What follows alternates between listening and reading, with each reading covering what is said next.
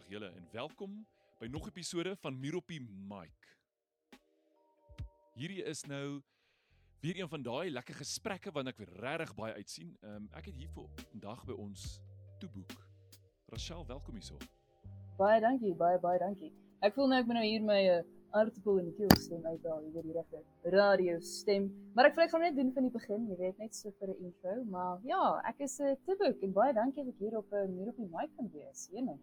Dit is absoluut great want ek het jou die eerste keer gesien by Open Mic se volume 2. Jy's die tweede aand. Toe was jy daar gewees. En toe sê ek soos shucks, hierdie girl praat met 'n interessante nee, ek kan nie sê aksent nie, maar ritme waarin jy gesels, jou woordvorming, woordkeuse, dit alles is net soos ja, hier is 'n goeie ene. Ehm um, en van toe af, ek het nog nie 'n podcast gehad nie, maar ek bly uiteindelik vandag kan jou stem hier wees. Soos jy sê, daai radio stem is 'n goeie ene. Ja nee, ek voel ek is geëerd. Ek meen, ek het jou daar ook ontmoet by die Open Mic Volume 2 en ek was net soos, "Oh my soul, and on the man, jy is net so fantasties." En ek love die way you just present dat ek jou podcast soos begin sien en as jy luister, dan dink ek net like ek hoop hy vra my eendag en toe nou laaste my vra, dis ek soos, "Ag, dit is net amazing." So, dankie vir jou Anton, baie dankie vir jou. Dit is 'n groot plesier. En met hierdie wil ek sommer afskop. Soos in enige begin. Ek meen iewers begin skrywers se eerste woorde geskryf word. Dit is nie dat daai graad 1 handskrifie uiteindelik of ons nie graad R gehad nie. Daai handskrifie wat sê juffrou hierdie is 'n uitblinker handskrif. Ek gaan 'n skrywer wees nie, maar vertel ons van jou begin. Waar het jou liefde vir woorde begin? Ek sou sê dit was actually by die heel eerste open mic was dit soos my drie sinne intro gewees. Dit is baie moeilik om dit in drie sinne te gesit het, maar Dit het op begin op die ouderdom van 10, glo dit of nie, maar dit was om my uit die moeilikheid te kry by my ma. Ehm um, so ek was nie 'n stoute kind gewees nie. Ek was uh, ek was net bedrywig gewees. So en dalk miskien 'n bietjie cheeky gewees die dag met my ma. En ehm um, so stuur sy my in 'n kamer toe en ek het gedink, "Wel, jy weet, ek moet vir haar sê wat ek voel. Hierdie is torture. Dis is kom sit jy my kamer." En ek onthou dit was so regte soppie, jy weet, gedig van hier sit ek weer alleen in die reën, jy weet. En ek skryf nou hierdie gedig en ek gly hom so onder weer my kamer deur en um, ek hoor later sy vat die papier op en alles en sy kom in my kamer in en een sy kry my regtig jammer. Jy weet sy so sy weet shame Rachel, hoorie nee, dit was 'n baie diep gesprek en sy sê nee, reg jy kom maar buite weer gaan speel. En ehm um, so was dit nie lank daarna nie, toe was ek dalk weer eendag bietjie cheeky geweest met haar en ek skryf die weer gedig. Uh, wel dieselfde gedig. En ek weet ek gly hom weer onder deur die deur en ek kon nie verstaan hoekom sy nie in my kamer inkom en doen met my gesels, weet soos hoekom kan ek nie weer buitekant toe gaan nie. En toe sê sy vir my net later die middag, toe sê sy, "Weet jy Rachel of weet jy Shelly, ehm um, volgende keer skryf ek net 'n ander gedig." Jy weet, so ek dink toe begin dit en dit het ek nooit regtig weer natuurlik geskryf. Ek weet ek was 10. Ek het nie regtig geweet wat is digkuns of wat is skryf nie. Skryf vir my was vraestel 3 op skool gewees, jy weet, 'n opstel en sulke goed. En ehm um, toe in matriek, toe het ek die eerste actual factual gedig geskryf en dit was gemotiveer uit verlies wat ek ervaar het. En toe besef ek hier's power. Soos hier hier kan ek 'n gevoel op papier sit, jy weet. En ehm um, ja, en toe begin dit net en toe het dit net stelselmatig te besef ek daar is dis so terapie. Ek kan ek kan skryf, ek kan my hart op papier sit. So ja, dis dis hoe dit begin het. En dit was nou 10 met en toe eers in matriek. Dit is 'n hele paar jaar tussen daai twee. Ehm um, so dit klink nie of haar regtig as ek nou net moet vinnig vat. Daar's nie regtig skrywers in julle familie of dat iemand skryf vir 'n lewe nie. Dis net jy dit is jy die eerste ene. Daar's definitief 'n kunstige flair in ons familie. So ek weet my ouma grootjie, as ek dit nou reg het. Ek weet sy het geskryf, maar sy het ook so kort verhale en sulke goed, maar nooit regtig, jy weet, soos my ma 'n skoenboks met papiere en soos ewen soos op 'n agterblad van 'n boek het my ouma se maar so kort verhale geskryf. So ek dink daar's definitief 'n iewers is daar 'n geen, jy weet, en of op ons familieboom is daar 'n tak, jy weet, wat 'n uh, bietjie van 'n kunstige skryfkant miskien het, maar dis nie so prominent sal ek sê jy weet dat daar uh, soos almal is wat skryf of lief is vir skryf nie. Ek dink daar is uh, dit dit skiep so 'n paar generasies dalk dink ek. Maar ja, en toe besef ek net nee, ek voel mense moet skryf, jy moet mense moet dit doen. Dit ek ek's op daai tak, my lood het uitgeskiep op daai tak, so mense moet skryf. Natuurlik, skryf hom. En nou so skoenboks. Kyk, so skoenboks met woorde in, hè, is vir my een van die dinge wat ek graag eendag wil ontdek iewers in 'n huis. Ek weet van my vriend het 'n huis gekoop daar naby Swart Ruggens. Ek meen die mure is half meter dik amper. Dit is en daarin is 'n ou boekrak. En hulle vertel my van die boekrak, maar toe sê hulle, "O, hulle het nog nie gekyk wat's regtig daarin nie." En as ek soos mense kyk net wat's in die boekrak, daar's dalk hierdie legendariese briewe wat daarin vasgevang is. Ehm um, en ja, daai daai is een van my drome. Ek wil regtig eendag suites ehm um, ontdek. Ja, ek het eendag 'n uh, digbundel gekoop, maar dit is soos dit was soos hierdie tweedehandse 'n uh, uh, boekwinkel.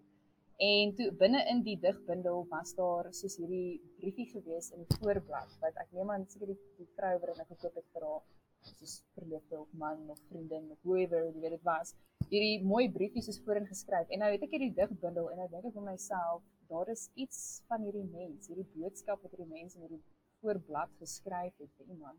En is so special. Al weet ek geen dit het al het ek geen benul van wie die persoon is nie, dink ek nie, maar ek weet nie, dit is soos 'n uh, dit is special. Ek love it. Oor ek was gister weer in 'n boekwinkel, Mega Books, en ek het daar 'n boek gekoop, die Afrikaanse letterkunde in beeld. Dis een van die wonderlikste boeke wat ek in my lewe nog gekoop het. Jan van Riebeeck sy eerste brief, sy onsse Vader gebed is daar binne-in. Ek meen om daai skrif te sien, hoe hy geskryf het, dit is kalligrafie skrif. Daai ouens was ag, dat hulle my wens dat ek meer aandag gegee het aan my skrif en hoe ek skryf. Maar ja, ek's mal oor die boeke. Laasweek toe maak ek 'n boek oop van TT Kloete. En toe is al wragties 'n legit foto van hom wat klas gegee het by Potch Universiteit en iemand een van die studente se boeke daar en ek meen daai mense het almal sulke sideburns, sulke lamb chops wat so afkom. Hare is interessant, dit is nie vandag se modes nie. En Dis amazing net om te sien hier's die foto en al daai ek neem aan is 'n tannie al haar notas oor elke gedig. Hy het eers van sy boeke gewerk. Alles is daarin. So daai is daai is lekker. Maar nou wil ek eers by jou hoor. Toeboek. Waar kom die naam Toeboek vandaan? Wel, weet jy Anton, ek moet sê, soos ek het in 2020 toe besluit ek nou ek goed, jy weet, ons moet 'n digtens page moet geskep word, jy weet, en ek kon nie besluit want ek's very indecisive. So is moenie vir my opsies gee nie want ek gaan nie weet almal is cool. Jy weet dit gaan moeilik wees om te kies. En ek het toe nou hierdie paar random name wat ek soos op WhatsApp getik het en ek stuur dit vir my een vriendin en ek is so very chommy. Wat sê jy? Want ek weet nie. Iemand het vir my sê. En toe sê hy dadelik soos Toeboek want jy is 'n Toeboek Rachel en toe sê ek soos weet jy dit nog sin? En ehm um, want ek is nie iemand wat regtig jy weet soos ek is dalk vir party mense is ek hierdie bubbly persoonlikheid en vir party mense is ek weer baie stil. Maar ek dink ek deel nie, jy weet ek kies wat ek deel met mense. En ek dink ek voel ek wel dis heel gepas. Ek voel toeboek is daai van ek is 'n toeboek, maar eintlik maak ek tog my boek oop. Jy weet ek ek laat mense bietjie eintlik lees wat binne in die boek aangaan op my page basis met my gedigte. So ja, dit is eintlik waar die hele toeboek ding vandaan gekom het. Ja, daar is nogal 'n interessante een. Iemand sê vir jou is 'n toeboek maar jy skryf. So eintlik dan soos wat jy skryf, maak jy jouself as boek oop. Ehm um, het jy enige kommentaar weer van daai chommy van jou af gekry wat gesê het? Wel, op die ja, weet is hulle is hulle ja, die boek gaan oop. Ek voel hulle is my grootste supporters. So ek is baie dankbaar vir hulle en baie lief vir hulle. En ja, soos ek het dit besef, toe ek die die toe ek sê ek kan lees toe boek, maar toe besef ek eintlik dis eintlik my manier hoe ek soort van my boek eintlik oopmaak vir mense. Alhoewel, jy weet, van die gedigte post ek nie noodwendig altyd nie. Hoe van hulle bly maar daar agter die toeboek. Maar wie weet, dalk miskien eendag, jy weet, dalk eendag dan dan maak ek die boek bietjie meer oop en laat mense bietjie meer lees van wat in die boek aangaan. So ja. sien daai's nou great. Jy, jy jy sê nou hulle is jou jou supporters. Ehm um, hoe ervaar jy of het jy 'n soos 'n community ondersteuningsgemeenskap van skrywers, van mense wat skryf of mentors of enige so ietsie? Ek sou sê definitief met die open mic aande. So skaalwoorde toe sy dit soos begin het, was dit net soos ek dink dit was daai waar ek het besef dit is regtig 'n skrywersgemeenskap. Soos dis mense wat saamkom en dit is soos hierdie jy weet hierdie revolusie amper wat begin. Dis hierdie platform waar jy 'n geleentheid kry om basies jou jou droom te kan uitleef. En ek onthou met die heel eerste open mic toe ek dit sien, toe sê ek net soos, "Ag, jy weet, ek wil hierdie so graag doen," jy weet. En dit was daai waar my hart het begin loop, maar my voete het half stil gestaan. Dit was daai van jy's bang, maar jy weet jy wil dit doen.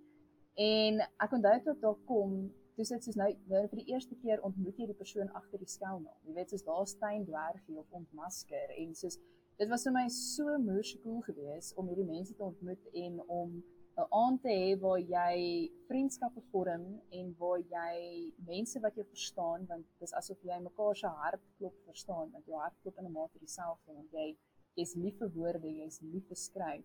En ek dink dit is 'n amazing geleentheid wat wat aan hy geskep het en soos ek dink dit is regtig daai waar dis dis 'n community. Dit is hierdie hele revolusie wat amper begin. So nee, as dit nie vir dit was nie, dink ek sal 'n mens sal ek nooit besef het eintlik jy weet jy is nie die geleentheid gekry om mense eintlik te ontmoet en om vriende te maak en soos nuwe vriendskappe te vorm. So ja, nee, ek dink dit is definitief die open mic aande, dis dis dis 'n community. Kyk, ek sal ook sê daai aande is regtig great. En is nou interessant wat jy sê, daar's nie dit klink of al regtig baie ander community is nie en jy skryf vrek goed jou beeldspraak, jou jou ritme en jou sinne, dit wat jy sê, ehm um, die hoeveelheid woorde wat jy gebruik om iets te sê want ek sal gewoonlik 1000 wil gebruik maar jy kan dit sê in 10 en dit is dis amazing. So ja die die talent wat daar verskuil is ehm um, ek sien uit. Ek sien uit na na dit wat dit wat voorkom. Nou wil ek nou volgende by jou hoor. Jou algemene tema het jy soos 'n tema of 'n 'n ja tema wat jy wil oordra wat jy besluit het okay hierdie is die tema van toeboek of is dit net skryf wat voorkom Wel, ek sou sê dit hang af uh wat die tema um op die hart is of van die hart is wanneer ek skryf. Um ek is nogals iemand wat regtig ek ek skryf uit my hart uit. Ek is nie een wat gaan sit en dink aan woorde wat rym of wat ek gaan sit en dink dat ek wat kan ek skryf vir 'n teikenmark of wat kan ek skryf um vir iets wat relevant is tot vandag se lewe nie. Ek is nie daai tipe skrywer nie. Ek skryf wat ek voel in my hart want ek voel dit is dis daar waar die hart klop is, jy weet. En ehm um, so nee dit hang af wat die tema is. Ek dink as ek as ek hartseer voel 'n dag, dan gaan die gedig dalk bietjie meer swaar wees en dit gaan die gevoel wat ek voel in my hart probeer verwoord in 'n paar woorde en miskien dit laat rym. En as ek 'n dag opgewonde is oor 'n gevoel of baie keer 'n oomblik, jy weet baie keer is my gedigte geïnspireer deur oomblikke. En uh, natuurlik verbloem ek die oomblik sodat jy weet net nie noodwendig almal weet watter oomblik dit was nie, jy weet. Maar ehm um, nee, ek sou sê ek sê iemand wat gaan sit en dink aan iets nie. Ek is ook nie baie lief daarvoor om uh soos persoonlike gedigte te skryf nie, want dan voel ek daar's nie so baie hart. Jy weet, soos ek voel ek mis dan die hart daarin. Dit voel vir my dan moet ek sit en dink daaroor.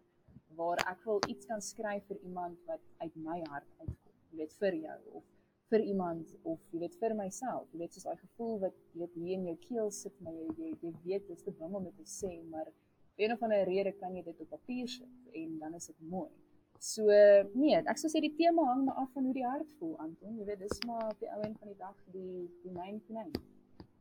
Ja, ek moet sê daai wel dit's interessant om te weet. Ek weet daar's ouens wat op 'n tema wil fokus, maar jy praat nou so baie van oomblik en skryf wat op die hart is. Is daar 'n 'n algemene plek oomblik of ietsie wat die skryf inspirasie oopsluit om aansit en daar gaan jy. Baie keer gekom het met 'n soos 'n gedagte of uh kom ons sê soos ek is een van daai mense wat met myself praat. Ek voel baie keer kort 'n mens advies van jouself af, né? Ek is daai tipe een.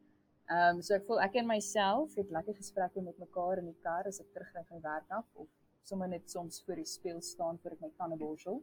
En dan sal dit baie keer wees asof ek hierdie gevoelens of hierdie gevoel wat ek in my hart voel probeer verwoord en hierdie gesprek met myself het. En dan kom ek met hierdie gedagte wat in my kop inspring. Kom ons sê dit is 'n uh, versreel wat in my kop inspring.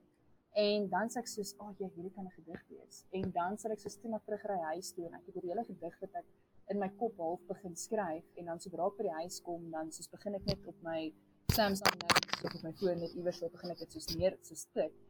En dan 5 minute later is daar 'n gedig of ek sal partykeer sal ek iets raak lees of iemand sal iets sê en jy weet dit inspireer net iets van dit klink so lekker of dit dit rol net so lekker oor die tong of dit dit laat my iets voel jy weet as ek dit raak lees of hoor. En dan inspireer dit net hierdie gedig en dan is dit asof hierdie gevoel in my hart dit motiveer en dan kom daar net hierdie gedig uit. Of selfs 'n plek soos 'n oomblik. Baie keer my vriende sal weet ek sal baie keer sê as ons op 'n plek is of ehm um, iets doen dan sal ek gewoonlik sê ja hierdie soos ek kan 'n gedig oor hierdie skryf of ja hierdie is 'n gedig oomblik en dan 10 10 en dan gaan skryf ek 'n gedig daaroor maar soos ja ek dink dit dit dit, dit is sulke inspirasie oomblikke wat my tref en ja en dan skryf ek Hoe baie skryf jy met musiek? Wat altyd in stilte met musiek maak dit regtig saak? Soos ek is een van daai mense, ek ek kan nie altyd in stilte nie. Ek moet iewers musiek, daar's altyd musiek iewers wat speel of daar moet iets wees. Maar snaaks genoeg as ek skryf, verkies ek in 'n mate stilte. Ek weet nie, soos daar kan, jy weet geraas miskien om my wees of so, maar ek sal verkies om in stilte te skryf en dan baie keer ook as ek musiek luister, dan sal daar selfs 'n lirieke wees in musiek of die hoe die hoe die liedjie my laat voel, jy weet, en dan sal ek soos die liedjie stop en pause en soos voel, jy hoor die ek ek ek ek voel iets en ek moet hierdie skryf, soos hierdie gevoel wat ek voel moet nou moet nou 'n bietjie 'n stem kry en dan wat gebeur maar ek sal meestal in stilte sit of partykeer ewen buite op iewers op 'n bank net gaan sit en dan sal ek soos net begin tik op my foon en uh, ja daai is lekker. Ek het al een van my lekkerste inspirasie oomblikke was toe ek by toe gevlieg het en na in die vliegtyg ek het my foon se skerm getik met daai duime van my nê daar was 'n ding daar twee of drie gedigte daai uit daai oomblik gekom.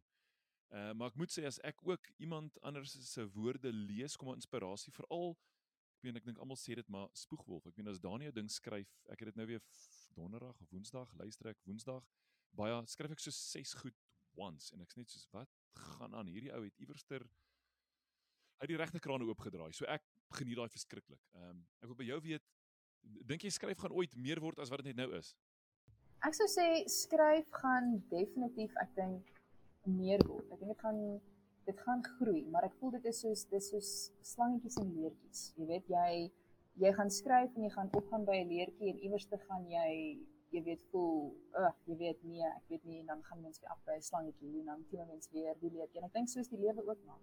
Maar ek voel definitief skryf gaan meer begin beteken want ek dink ons leef in 'n in 'n in 'n wêreld vandag waar ander mense se woorde amper jy weet soos 'n pleister vir jou eie hart is, jy weet. En ek dink soms vir jou eie vir vir selfs jou eie woorde is baie keer sonder dat jy dit besef, is dit 'n manier om 'n pleister op jou eie hart te plak. So ek dink dit gaan meer in 'n it's amazing wees as dit jy weet soos in 'n eksterne manier meer kan word as dit dalk meer weet soos met either met hard copy prints, digbundels of met meer visuele werk miskien kan jy weet groei of selfs ewen meer in 'n innerlike manier waar jy mense raak sonder dat jy dit weet deur net te skryf. En ek dink dit is die dis die magic van skryf. Ja, kyk, ek dink daai aspek ook, ehm um, net om ek ben dronkdigter self gesê, hy skryf om hy skryf vir homself en obviously so mense wat definitief albei daarbey aanklank vind. Die eerste skrywers het geskryf om ook om die lewe vir hulle self sin te maak. Ek meen ons eerste digbundel was geskryf deur 'n pa wat sy seun verloor het in die veld, deur 'n blom wat hy vir hom gegee het om om om te eet. En dis ons eerste digbundel is net ou wat net deel met seer en woorde vir homself insit en ja soos ek een van die vorige podcasts gesê 30 jaar was daai bundel weggewees voor iemand dit gekry het net hier en daar daarvan gehoor.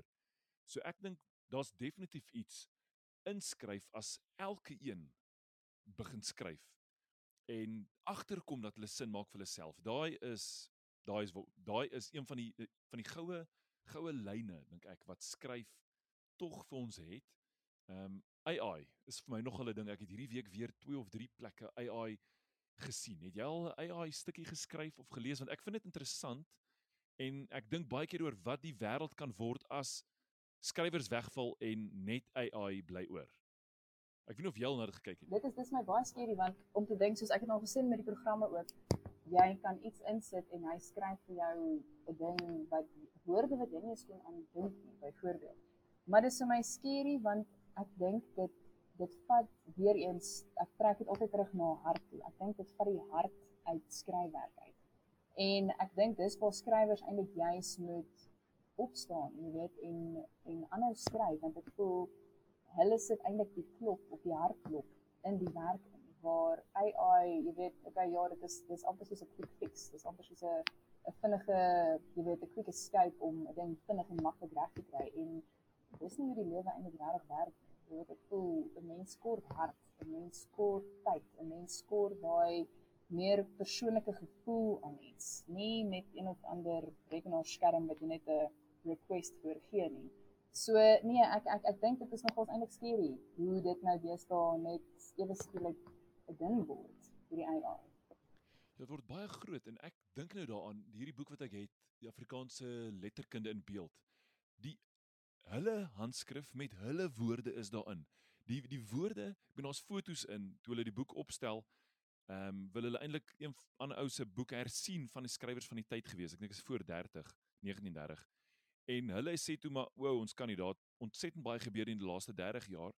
En nou kan ek sien hoe lyk die skrywer? Ek kan sien wat het hy geskryf? Ek kan sy handskrif sien, ek kan sy sy foute sien waar hy is insit met daai kappetjie in die sinnetjie. Ek het dit so lank lank gesien want niemand doen dit meer nie en daarin vir my is absolute waarde omdat dit persoonlike ervarings is. Dit is dit is organies. Ehm um, ek dink voor hierdie ons het mekaar hier gesê, okay, ek is nou-nou op en dan sê ek ja nee, is reg. Ons voice notes het so gewissel het. En op 'n kol raak my mond net te mekaar en ek stuur af jou in woorde terug. Daar's ons 'n voice note wat verander in 'n rankplant.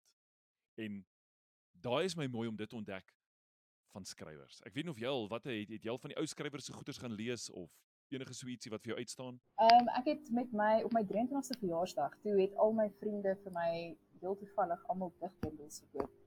En ek onthou daar was soos van die skryfwerk, die die woorde, dit is vir my dis woorde wat jy nie meer vandag hoor nie. Jy weet, ek dink soos in vandag se tyd is daar soveel slang woorde en met hierdie generation wat ek al millennials en alles. Soos daar is die woorde wat hulle daai tyd gebruik het om iets te beskryf of die manier hoe hulle na die natuur gekyk het. Soos ek love natuurgedigte of enigiets met die natuur.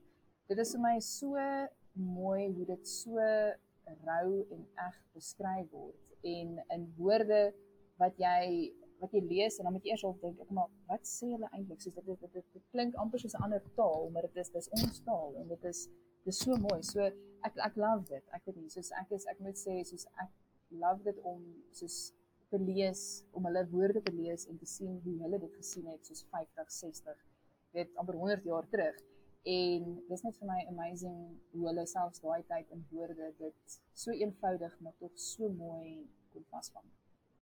Kyk, daarmee stem ek saam want hulle hulle ervarings was anders. Hulle blootstelling was anders. Hulle het nie mis, wel musiek gehad, een ou kan gitaar speel, die ander kant of 'n ek weet nog of 'n banjo was nie, trompet was net vir oorlog.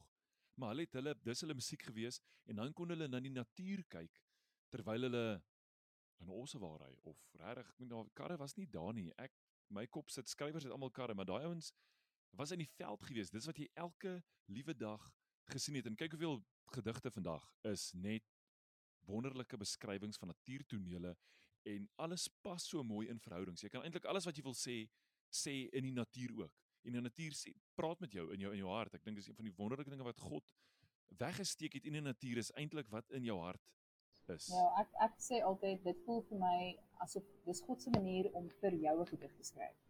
Soos daai oomblik wat jy net in die natuur kan gaan sit of selfs ewen op jou huis se dak gaan sit. Soos ek het dit gedoen tydens lockdown want net om 'n wyeer spektrum te kan sien. Al wat al het ek die sonsondergang so semi tussen 'n massiewe boom en uh, winkelsentrum se een muur soort van gesien, maar daai oomblik, dit was asof God 'n gedig skryf. Dit is asof God met jou praat deur die voeltjie wat verby jou vlieg of wat in die boom sit en fluit of sing en dit is net vir my dis beautiful. So ek voel ewen in vandag se tyd ook.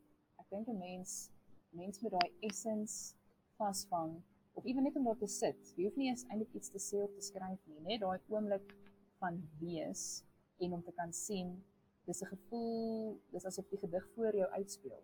Jy weet, dit is dis wat so lekker is van natuur. Kyk, en daai is daai is mooi en hierdie laat my nou dink. Jy sê nou nou of hierso sê jy dat jy kan na 'n stuk van die natuur kyk en ek onthou jy het nou gesê is 'n lyn, is 'n versie opkom, kan dit deur jou gedagtes mal en jy sal dit onthou. So jy's nie een wat regtig as daai lyn kom, moet jy nou besig raak en hom nou klaar skryf. Dit sal wel ek vergeet soms die partykeer is dit dan daai oomblik wat jy kan eenvoudig net nie nou dadelik skryf nie. Maar ek dink meeste van die tyd is dit daai gevoel wat gaan sit in jou hart. Jy weet dit is dis asof hy hom tuis maak en hy gaan sit kruisbeen in jou hart en hy sit nou daar en jy jy weet jy moet nou hierdie gevoel voel. Jy weet jy kan nie verby hom kyk nie. En uh, dan is dit asof daai daai gevoel net daardeur kom daar's my byklank gesponsor deur my honde maar in elk geval ehm um, so dit is net daai gevoel van hy gaan sit en dan sal hy opduik en partykeer dan sal ek met hom werk en werk en werk jy weet en dan kom maar 'n tyd wat ek op die regte oomblik, ek dink dit ek dink skryf gebeur ook so dat jy op die regte oomblik 'n ding skryf. Jy weet, ek dink dit wanneer daai geleentheid daar is en jy kan 'n ding begin tik en jy weet ek dink dan ja. vlieg dit en dit kom dan die reg die regte woorde kom. Het jy al iets anders geskryf as gedigte, so kort verhaal of 'n storie of so ietsie? Ehm um, ja, ek het uh ek het uh by ek werk of ek het op 'n stadium by 'n drama skool gewerk, wat ek as 'n drama juffrou klas gegee het en al daai dinge. En ek nog steeds ek nog so een klasie wat ek nou nog gee, maar ek was baie betrokke met teaterproduksies. Ek het saam my studies het ek deeltyds by die ADK op drama geswat. En toe het ek nou meer die teaterwêreld, jy weet, betree en leer ken en alles. En um, ek is nogals baie lief om teaterproduksies te skryf of selfs 'n monoloog te skryf vir van die studente en so. Maar ehm um, komedie is nogals moet ek sê lê na in my hart as dit by teaterproduksies kom. Ek het uh, so 'n stuk geskryf Kaaskoek Kasteel wat so 'n tong in die kies was. Dit was 'n 'n tuisnywerheid en vereniging wat gewerk het as 'n bordeel. So jy kan in jouself indink die woordspeling wat met daar plaasgevind het met die snytjies. En wortelkoek was 'n 'n snytjie wat baie erge self-tan lotion situasie daar in die gang gehad het. So ek sal sulke goed skryf en ek eh, het al dieper stukke ook geskryf. Ehm um, maar ek moet sê ander goed, ek moet sê komedie is maar my ding. Ek hou van ek hou van grappies en ek hou daarvan om mense te laat lag. En uh dieper stukke hou ek daarvan om mense te laat dink. Jy weet, ek ek hou daarvan om op die verhoog te kan wees en jy weet jy dit voel asof jy die die gehoor in die palm van jou hand het. En is daai oomblik wat jy hulle kan laat huil, kan laat dink aan iets of jy kan hulle laat lag en ek weet ek dink dit is die lekkerste om te kan sien hoe kan iemand laat lag. Ek weet net love dit. So ja, so ek ek skryf soms uh, ek skryf soms snaakse stories, soms ernstige stories en dan meeste van die tyd is dit my gedigte. Maar jou publisering van jou werk is net op Instagram. Daar's nie 'n ander plek waar ons van jou werk kan lees nie. Of ons sal 'n teaterproduksie moet gaan kyk of een of ander tyd 'n plan maak. Hoe julle saam 'n produksie moet kom kyk. Ons het nou juis een nou Junie wat uh, oor 'n kampterrein gaan. Ehm um, die so dit is so 'n bietjie van 'n lekker komedie stuk, lekker lag en alles. Ek speel 'n Santin Girl, so I'm going to be a little bit English in this one.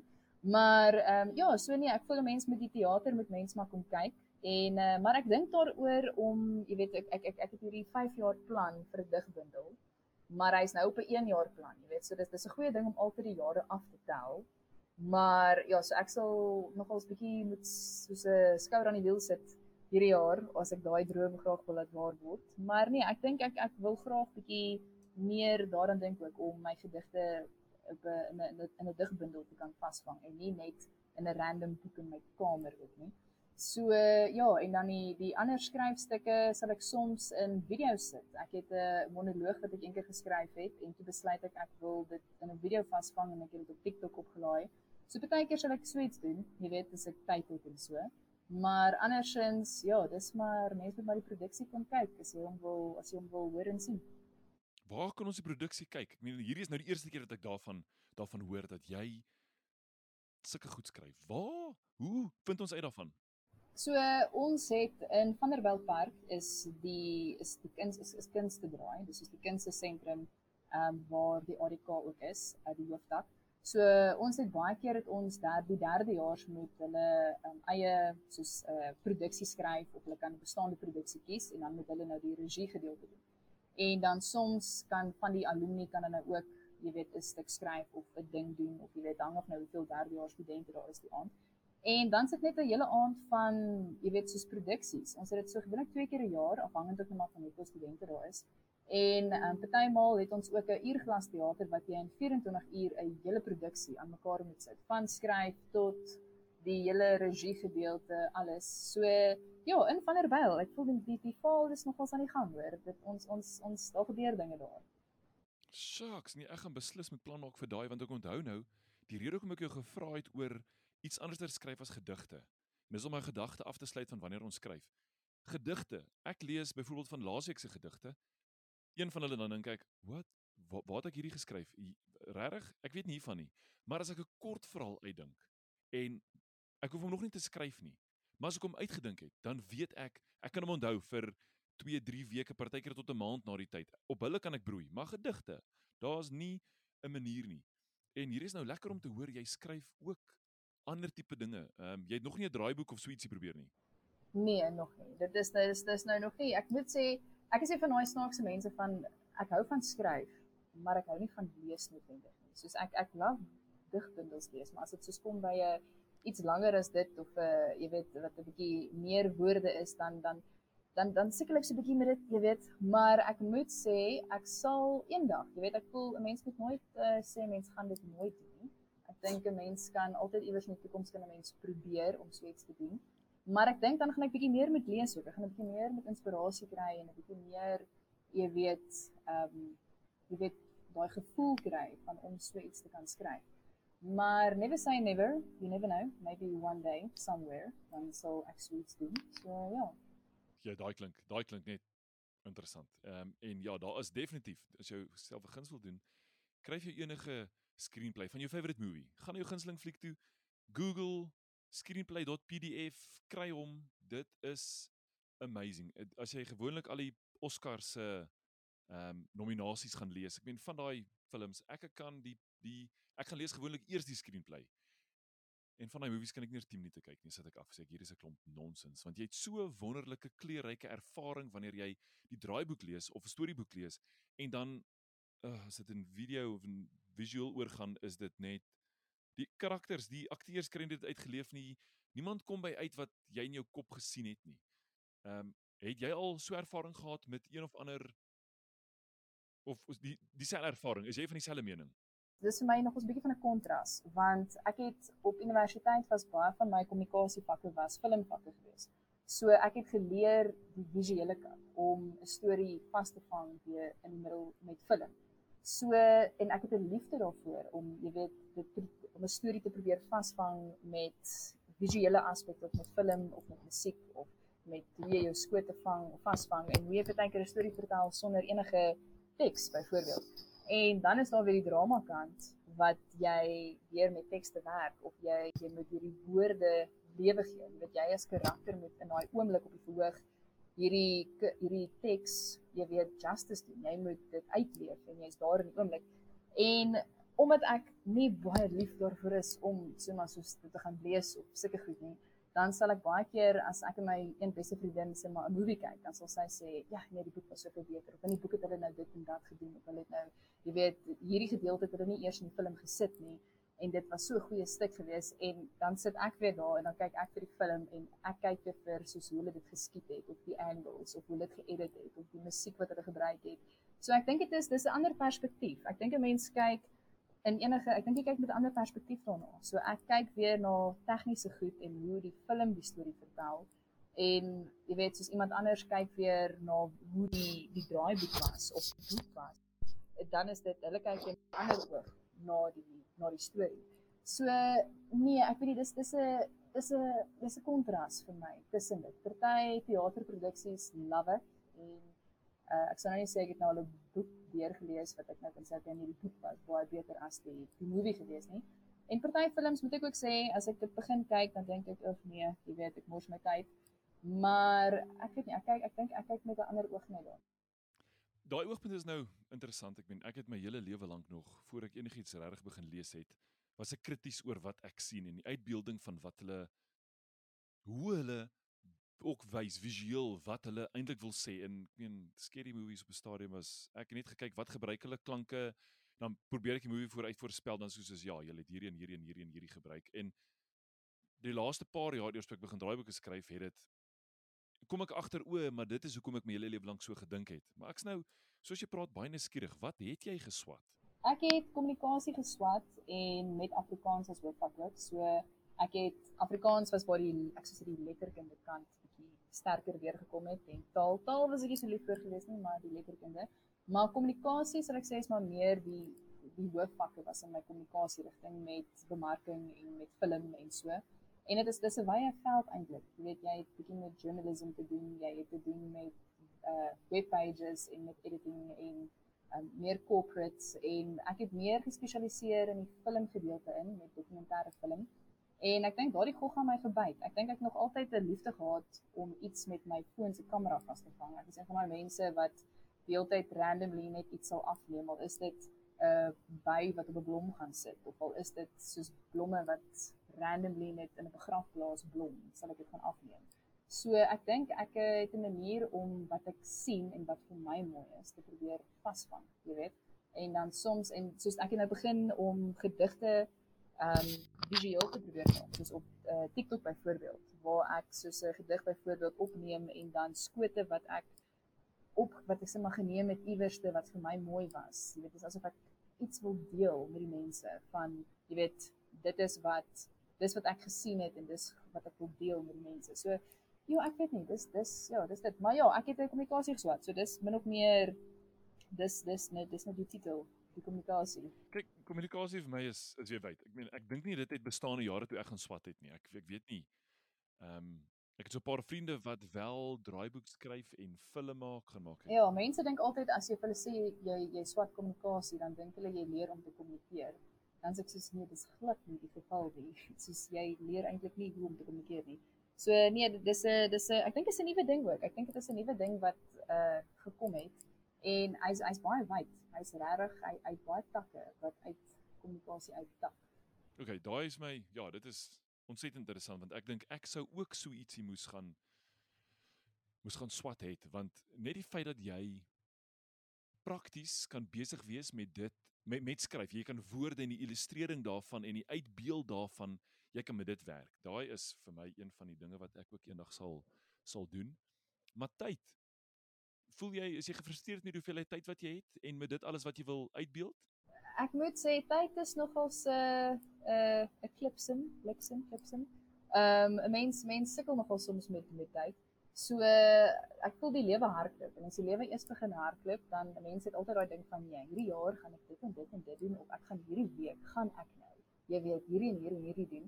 Maar dan begin die hamster hardloop op die wieltjie en ehm um, dan moet 'n mens regtig en dit en dit vat tyd. Dis regtig nie iets, dis nie so skitskokkie wat jy net vinnig daar mekaar kan slaan nie. Jy weet so dit dit vat tyd om dit reg te doen en om jy weet die gevoel weer te trek. So nee, ek sou sê ek sou definitief ek sukkel soms met tyd, maar 'n mens moet tyd maak. En ek dink 'n mens moet regtig gaan sit en besluit op jy luister. Ek gaan nou vandag vat en ek gaan nou, jy weet, hierdie aan mekaar sit. En uh, 'n mens moet daarby hou. Ek dink 'n mens moet 'n uh, mens moet tyd maak vir kreatiwiteit. Daai is so waar en dan dink ek soveel keer in die week is ek besig om soos vandag weet ek gedagtes. Ek is seker al 'n maand en 'n half besig om te probeer video's maak vir Instagram. Een video, maar ek het nog niks daarvan bereik nie want alles wat ek maak lyk vir my net nie asof ek dit wil kyk nie. Ehm um, dit daai daai se ding, sal jy ook iets heeltemal uitstel as jy net nie die kwaliteit kan visueel uitbeeld wat jy wil hê nie. Sal dit ook los en sê later ons sal dit ordentlik doen. Ja, wel, soos baie keer as ek net soos 'n video moet maak of iets, ek sal meer sukkel met my stem of as ek die die voice note moet opneem of die jy weet die recording van die gedig, want dan sal ek net daar sit en ek sal net probeer seker maak daar's nou nie 'n hond wat blaf of 'n iewers 'n alarm of iets wat afgaan in die agtergrond nie. En dan sal ek nou die die, die stemnota opneem en dan luister ek dit en dan sê ek soos nee, hierdie hierdie klink bietjie opseerig. Jy weet dit klink nou nie reg nie. En dan doen ek dit weer. So ek sukkel soms om daai reg te kry, maar as dit by die video kom, soos ek hou daarvan om in die soos oom in die oomblik video's te deel. So dis asof ek gaan kyk na wat se video's het ek op my foon. Partykeer sal ek selfs 'n motion picture uit 'n uh, foto uit gaan save um, om daai oomblik net in die video ook te kan, jy weet, vasvang. So ek hou van raw footage, footage wat nie noodwendig nou beplan was die regte angle of die regte dit nie dit moet net daai in die oomblik wees van daai gevoel wat in daai foto of in daai motion picture byvoorbeeld was is iets wat ek voel wanneer ek die gedig geskryf het of wat ek aan gedink het of jy weet sulke goed so baie keer moet ek sê van die footage dan dink ek okay nee ek het hierdie video hierdie footage nou 'n paar keer gebruik of weet ek kort bietjie nuwe footage dan sal ek wag tot ek 'n mooi sonsondergang in my drie speeltjies sien en dan sal ek hom probeer afneem of jy weet so. Maar dit is dis 'n ding, 'n mens moet 'n uh, mens moet 'n mens moet tyd maak andersins as dit nie reg lyk nie, dan wil mense dit nie noodwendig daar buite sit nie. Maar op die einde van die dag is dit meer die boodskap. Jy weet wat die mense hoor. Wat wat hoor die mense en dit is die die, die groot boodskap eintlik. Werk jy meeste van die tyd op jou foon of doen jy dit op die rekenaar? Al jou video editing. Ek moet sê my foon is hy hy is my regterhand. So alles is op my foon. Ek sal my voice notes op my stemnotas op my foon opneem. Al die footage is alles op my foon. So ek moet sê ek het op die rekenaar sal ek soms, maar dis meer sal ek sê as dit by werk goed kom, sal ek op die rekenaar edit of sulke goed. Maar meeste van die tyd, die foon is maklik want hy is deeltyd by jou. Jy weet jy kort nie nou 'n kabel om iewers in te plug of uh, op te stel of iets nie. En dit is dis instant in a way waar as ek nou iets sien wat met my praat en is 'n mooi oomblik en ek wil dit graag vasvang, kan ek dit nou vasvang en ek kan dit solank iewers gaan sit, jy weet in die program of gaan save of solank aan 'n idee werk. Ehm um, so nee, ek ek ek dink my foon is maar dis dis dis is the way to go vir my op hierdie stadium. Wel, as jy daai plan in plek het, dan werk dit. Vir my voel ek ek wil net skryf. Los die video's en die visuele uitbeelding van iemand anderster. Ek het so ontsettend baie werk en woorde wat geskryf moet word. Ek het nie tyd daarvoor nie want die die die leer, die hoeveelheid apps wat daar is, die wat jy gebruik, die dit is net te veel. Dan voel ek net los dit. Dan roep ek my vrou en sê jy doen my Instagram page prentjies.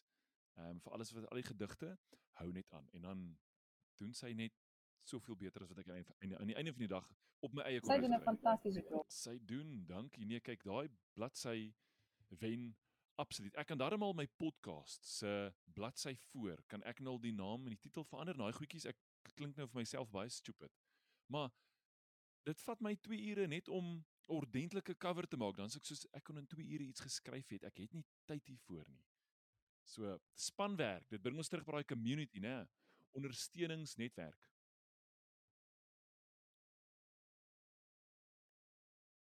Nou wil ek weet, Ehm um, Afrikaanse poesie. Jy sê nou jy lees nie baie nie, maar ons het nou al bespreek aan hy se kaalwoorde event. Dink jy daar's 'n plek vir sulke tipe events en ervarings wat skrywers en kykers en luisteraars en al hierdie mense bymekaar het wat nog kan ontwikkel tot meer as wat dit nou is? As 'n mens groter gaan met dit, jy weet meer dit doen amper, jy weet. Ehm um, as 'n mens ook probeer ehm um, ek sou sê dat alles begin klein, weet jy, soos 'n sneeuballetjie wat gerol word en hoe meer jy hom rol, hoe groter gaan hy word. En ek dink dit is wat dit ook is. Jy weet, ek dink 'n mens kan later, jy weet, meer bande bou met groter platforms die self. Jy weet, plekke waar jy meer mense gaan bereik en waar jy jy weer meer harte gaan bereik eintlik. En ek dink daar is definitief as ek kyk hoe smaak selfs op Instagram, hoe baie digkuns pages daar is en hoeveel mense jy weet ek dink dit is dis vrek braaf om jou hart op Instagram te gaan sit jy weet en om gedigte daar te post of jou skryfwerk daar te post ek dink dit is amazing. En ek dink hoe meer mense dit doen hoe meer groei dit hoe sterker word dit. En ek dink daar daar is definitief daar's 'n daar's 'n rookie wat trek en waar 'n rookie is is daar 'n vuurtjie so ek dink hy gaan definitief definitief en meer kan groei En jy gebruik nou daai woord braaf.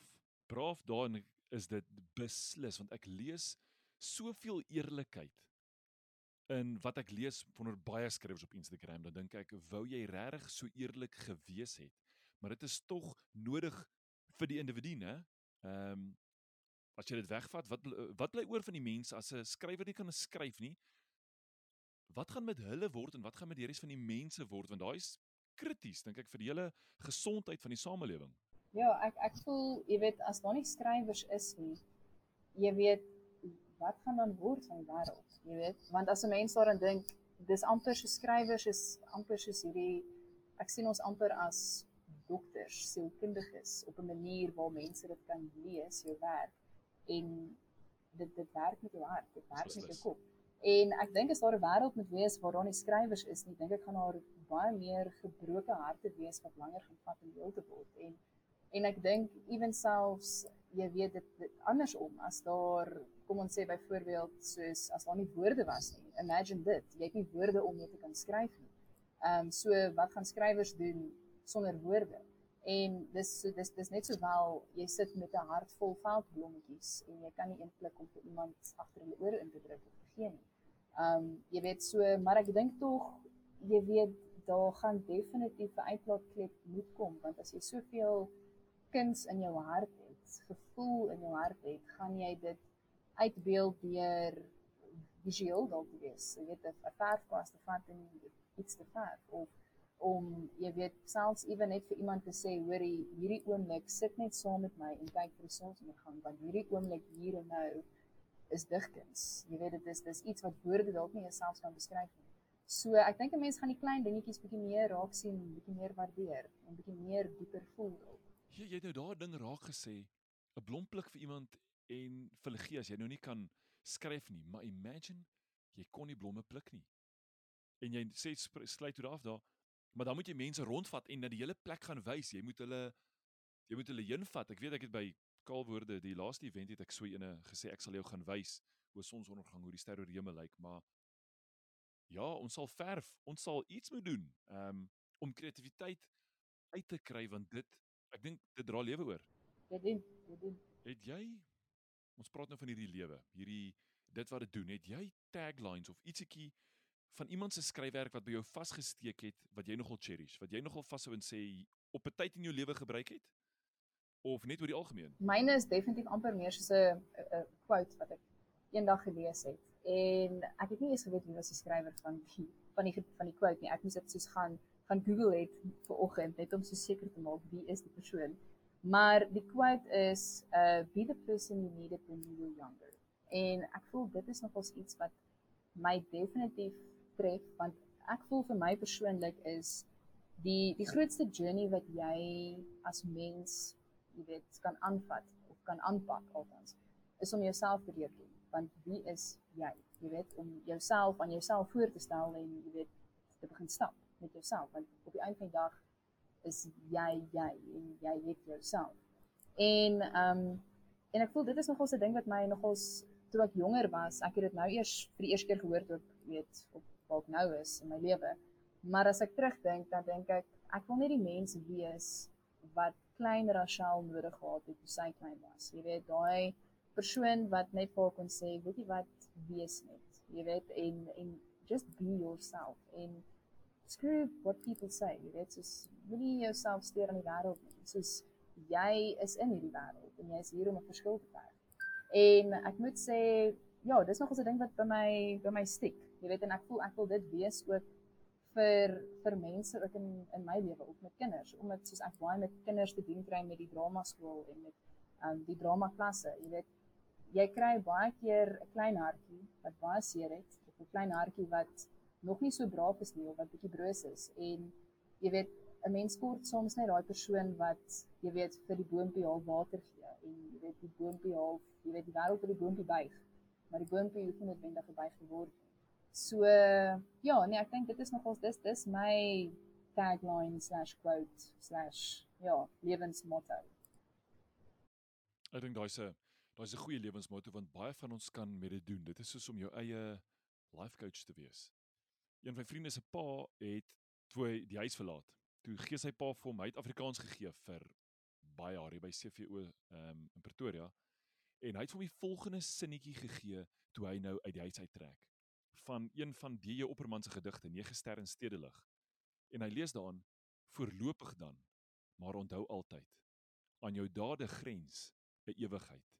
In daai meen dat 'n ou van jare terug het dit uitgedink en hy het besef in die die beeld daar gesê dat alles wat jy doen dra ewigheidswaarde en gaan tot in ewigheid inspreek. So wees verantwoordelik. Ek meen dis 'n baie mooi manier om vir ou te sê wees net verantwoordelik en hierdie vriend van my het self waardering vir woorde. Ek meen sy pa het Afrikaans gegee. Die kinders uit sy klas uit onthou alles wat hy sê, het 'n liefde vir Afrikaans gekry en daai daai skep nogal verantwoordelikheid en moet sê daai 'n sinnetjie wat ek ook nogals cherries wat ek ook nogal by myself vashou want hierdie goedjies dra ons deur. Ek onthou die woorde van 'n ander vriende Future Chad is happy Chad. Hy het dit gesê toe ons begin swat 2 jaar se meesters in wat's dit public health En 2 jaar later, daai ek het net gedink future Anton is happy Anton. Druk net deur, ons gaan dit maak. En dit is ja, en dan kon die volgende toe gebeur. So, wat's volgende vir jou? Ehm um, skryfwerk spesifiek. Jy het nou nou gesê dalk 'n bundel, is daar iets anderster wat jy regtig jou missie het om te sê ek gaan dit skryf en dit voltooi inskryf die volgende jaar of 2 jaar? Ehm um, in 'n mate voel dit vir my om ek sou sê ja, die digbundel is definitief uh, iets wat ek graag in die, in die pipeline sou graag wil doen. En ek ek ek hoop ek gaan byhou of by my 1 jaar aftel, jy weet, hou en dan definitief werk daarvan maak. Maar ek moet vir jou sê soos ek sou sê om om meer harte te raak in 'n way, jy weet om om die regte mense te bereik, nie om beroemd te raak of om 'n naam te kry daar buite nie, maar om iemand wat nie noodwendig 'n stem het, wat nie noodwendig weet hoe om te sê of wat om te sê vir iemand of hoe om hulle self hulself te verduidelik nie. Ek dink om net daai stem te kan wees. So ek sou sê net om meer harte te kan raak en ja, dit klink ook nou cliché, but and I'm not a fan of clichés, maar ek dink dit is nogal vir my, ek weet nie, ek hou daarvan om al sit ek hier iewers in Suid-Afrika en daar's iemand somewhere in Namibia of even daar op die suidpunt van Suid-Afrika of wherever en jy kan hulle hart aanraak en weet nie, ek love it, ek love net die die, die taal daarvan. So ek dink ja, meer mense bereik en definitief werk maak aan digtende. Ja, ek dink daai is baie goed en daai wat jy nou sê om regtig harte te raak, praat weer vir my aan die algemene tema en 'n doel en 'n mission. Want ek kom agter sodra jy sodra jy doel het, purpose het, dan jy op tyd mors. En enigiets nie doen of enigiets skryf maar regtig doelgerig leef want soos jy nou nou sê, wees die een wat jy wat die klein jy nodig gehad het. Ek dink soms in jou lewe gaan jy besef wat jou doel is. Jy weet, soos wat wat moet jy doen in hierdie wêreld en ek dink as mens dit weet, ek dink dan is daar baie meer motivering. Al is dit soms, jy weet, moeilik en nie maklik nie, maar ek dink jy sodra jy jy weet jou doel kan uitleef en jy jy besef jy dit dit werk en jy kan sien jy weet die boom groei of jy weet jy kan sien dit blom. Ek dink dit is dis amazing. Ek dink dit is so 'n dis 'n dis 'n gebed wat waar word.